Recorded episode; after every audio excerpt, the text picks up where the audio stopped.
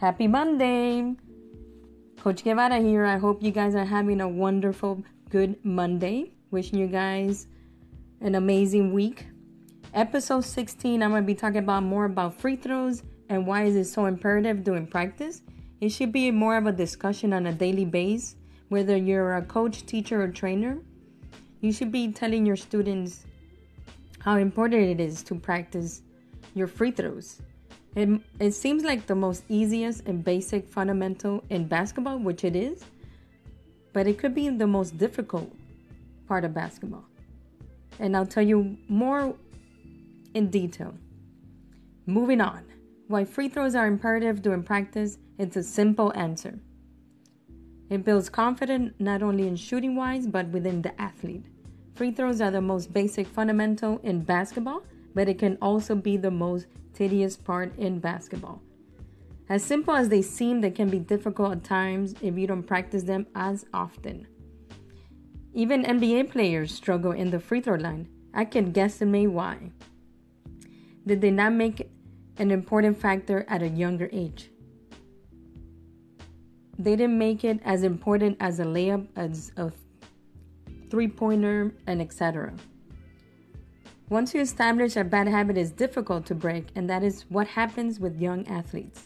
I see it constantly at basketball leagues, organized basketball, or private sessions. There's a constant battle with free throws, and that is when I come in handy and correct the bad habit.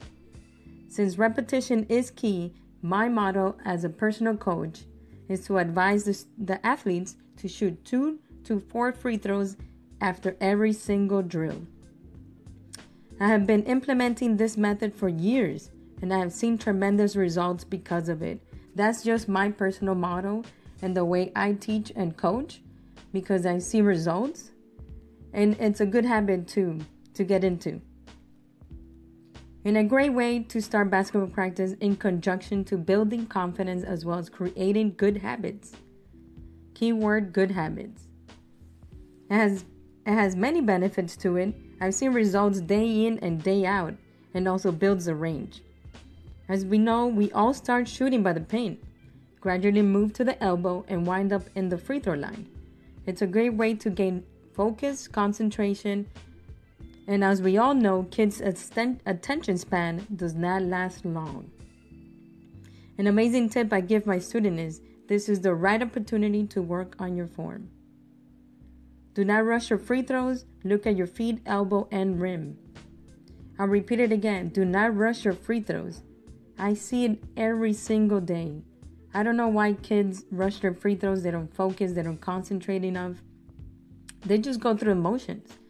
And that's your job as a coach, trainer, or teacher to tell them concentrate, slow down, look at your form.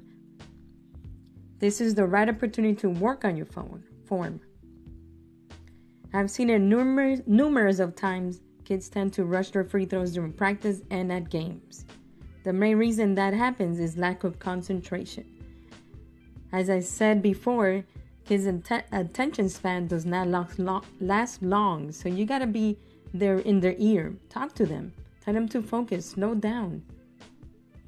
Concentrate a little bit more.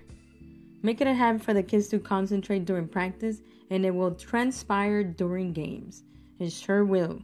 Trust me on that. I will finish with this motto. I always tell my students practice the way you are going to play in a game. I'll repeat it again. Practice the way you're going to play in a game. Have the mentality. Teach them that.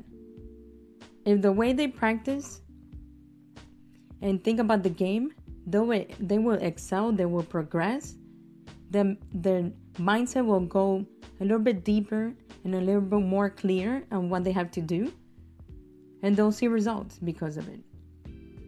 Once again, this is Coach Guevara, owner of Chinese Hoop. I hope you guys have a wonderful Monday. Have an amazing week. I hope you're watching the NBA players. The, uh, the second round just started, and and great great teams that are are facing each other. So it's an exciting exciting playoffs. Once again, this is Coach Guevara. I'm out.